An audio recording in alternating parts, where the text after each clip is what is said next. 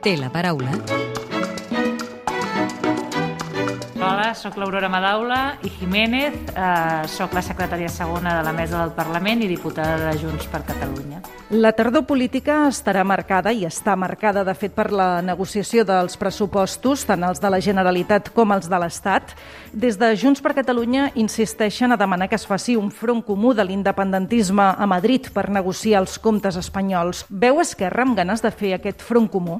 Bé, de moment eh, no hem tingut gaires eh, bons resultats en aquesta petició, però nosaltres no, seguirem demanant perquè creiem que és la millor opció que tot l'independentisme vagi amb un front unit eh, per fer qualsevol decisió, no només la dels pressupostos, però qualsevol decisió a Madrid. Sempre ha estat aquesta la nostra opinió i la nostra estratègia i ho seguirem demanant.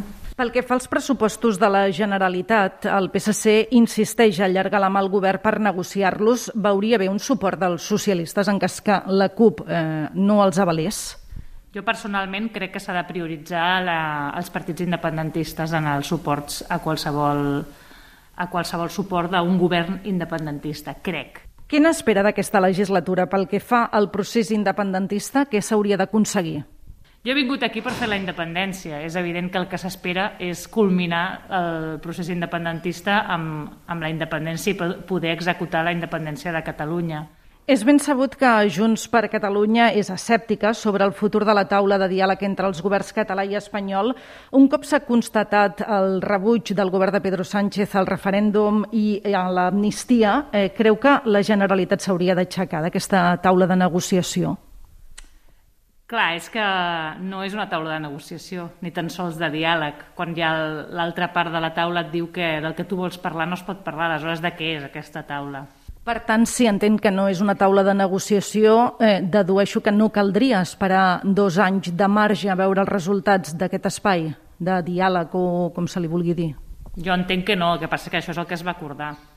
Eh, crec que es va acordar el pacte d'Esquerra amb la CUP incorpora aquests dos anys de marge. Jo crec que Uh, crec que afortunadament per, per als nostres interessos i per seguir endavant amb el futur de Catalunya i amb la independència de Catalunya, el govern espanyol deixarà molt clar abans que no té cap interès a seguir amb aquesta taula. Junts per Catalunya no va participar a l'última reunió de la taula de diàleg del mes de setembre. El motiu és que volien enviar-hi membres que no formen part del govern, com Jordi Sánchez, Jordi Turull i la diputada al Congrés Míriam Nogueres. Seguiran amb la mateixa delegació a la pròxima reunió de la taula de diàleg? Sí, aquesta és una decisió que es va prendre a l'executiva de Junts per Catalunya i crec que és la, que és, uh, les decisions són sobiranes de qui forma part d'un govern per part de Junts per Catalunya. És un govern de coalició i les, les persones que hi van les decideix Junts per Catalunya, es va decidir en l'executiva. Per tant, si presenten la mateixa delegació, entenc que els tornaran a vetar i, per tant, Junts per Catalunya no estaran en aquesta taula de diàleg. Si ens tornen a vetar, tornaran a vetar una part important de l'independentisme i la, una, la meitat del govern de la Generalitat de Catalunya. Com s'ha de resoldre la carpeta dels exiliats? Uh, reconeixent el conflicte, reconeixent uh, que hi ha un dret a l'autodeterminació, reconeixent que hi ha més de 3.000 represaliats, que hi ha un govern que està a l'exili, que l'exili existeix, i que, per tant, es vol negociar i es vol resoldre el conflicte polític. En un article publicat aquesta setmana al diari El Punt Avui, Carles Puigdemont assegura que no busca un indult anticipat ni una sortida personal a mida i demana a Esquerra que no tingui la tentació d'incloure la seva situació personal en la taula de diàleg amb el govern espanyol. Creu que els seus socis d'Esquerra han posat la carpeta de l'exili en alguna de les negociacions que tenen obertes amb el govern espanyol o amb el PSOE? Doncs no, no ho sé, jo a mi no m'ho han dit, però crec que hi ha hagut informacions en aquest sentit. Uh, i crec que el que està fent el president Puigdemont és de president, precisament de president a l'exili, que és defensar la institució de president de la Generalitat de Catalunya que va haver de marxar a l'exili i per tant està defensant la institució i per tant una sortida col·lectiva al conflicte i no una sortida individual i per això es refereix a tota la resta de represaliats i a la repressió en si perquè ell quan va sortir era un home lliure i és lliure a Europa, i ho hem vist a les darreres setmanes, però no és lliure a Espanya. Per tant, el que està fent és defensar institucionalment a Catalunya. Vostè va substituir el diputat Jaume Alonso Cuevillas a la mesa del Parlament. Recordem que a principis de la legislatura va deixar el càrrec perquè d'alguna manera qüestionava, podem dir-ho així, la desobediència i es mostrava partidari doncs, de no tramitar propostes a favor de l'autodeterminació que poguessin comportar la inhabilitació dels membres de la mesa. Val la pena assumir el risc de la inhabilitació per iniciatives que moltes vegades no tenen recorregut polític perquè ni s'arriben a aprovar, com va passar en el debat de política general amb la proposta de la CUP? Jo crec que sempre val la pena assumir qualsevol risc si és per, eh, per donar la veu al poble de Catalunya i per permetre que tots els temes es puguin treballar i es puguin debatre al Parlament de Catalunya. Si li sembla bé, ens endinsem ara en el terreny més personal. Li demano si pot contestar a partir d'ara amb respostes com més breus possible. Vostè és llicenciat en Història. Què hi fa en política?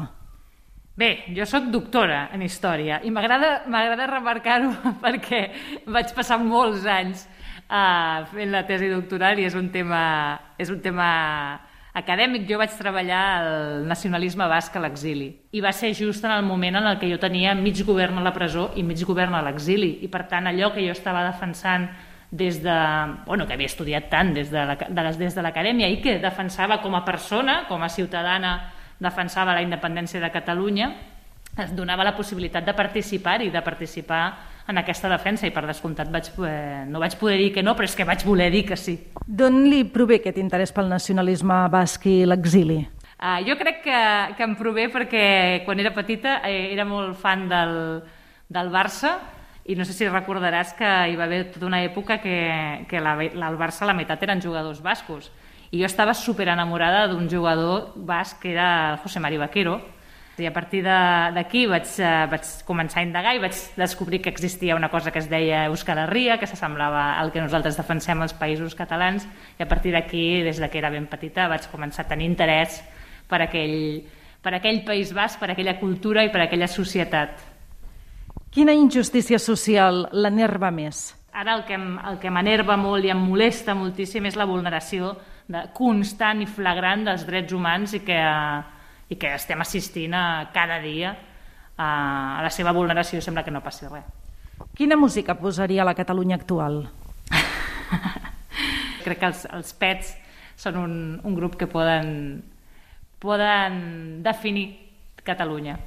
Amb quin diputat o diputada que no sigui del seu grup compartiria una sobretaula distesa? Amb la Baixa Xangue, que és de la CUP, M'han dit que li agraden els esports de muntanya. En practica algun? en practicava, sí, feia escalada. I ja per acabar, completi la frase següent. El que més m'agradaria del món és... El que més m'agradaria del món és tenir una Catalunya independent. Aurora Madaula, diputada de Junts per Catalunya i secretària segona de la Mesa del Parlament, gràcies per atendre'ns a l'hemicicle de Catalunya Informació. Moltes gràcies a vosaltres.